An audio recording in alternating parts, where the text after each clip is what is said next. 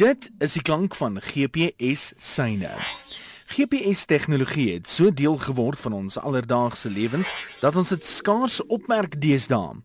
En aangenome dat GPS en die ontwikkeling daarvan al 'n hele paar jaar kom, is dit een vorm van tegnologie wat oor 2 dekades meer gegroei het as omtrent enige ander vorm van tegnologie.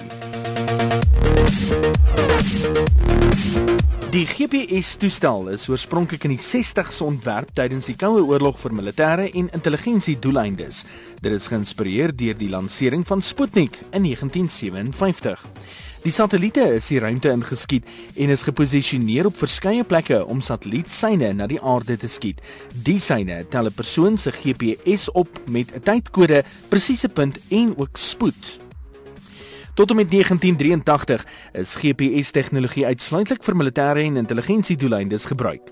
In 1983 is 'n passasiersvliegtuig deur die Sowjetunie afgeskiet en dit is as gevolg daarvan dat die destydse Amerikaanse president Ronald Reagan besluit het om GPS-tegnologie kommersieel beskikbaar te maak sodat veral skepe, vliegtuie en ander voordeel kon trek uit die tegnologie en ook om te verhoed dat veral vliegtuie in beperkte lugruime sou invlieg.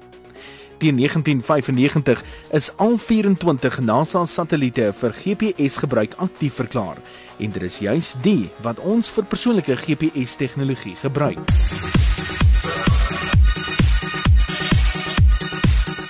Die sportwêreld het eers onlangs op die GPS-trein geklim met GPS-tegnologie wat gebruik word vir omtrent elke sportsoort van rugby tot atletiek en selfs ruiterkuns in sommige dele van die wêreld.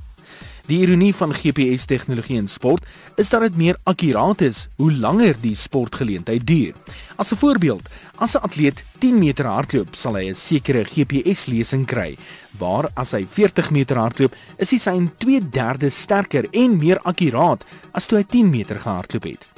Sportmense en vroue maak ook staat op GPS-tegnologie vir GPS-data soos kalorieë verbrand, die liggaam se werklading veral en in rugby byvoorbeeld kan daar deur die afrigtingspan bepaal word hoe hard die speler gewerk het op die veld en tot watter mate hy oor die veld beweeg het. Sokker, veral in Europa, maak ook gebruik van hierdie tegnologie. Die GPS-toestel is agter in die persoon se trui ingebou. GPS-tegnologie word vir omtrent alles in die lewe deesdae gebruik en dit verbeter teen 'n verbuisterende spoed. GPS-tegnologie, ontwerp vir militêre en intelligensiedoeleindes. Nou 'n alledaagse tegnologie wat die mense lewe op die veld en van dit af verryk.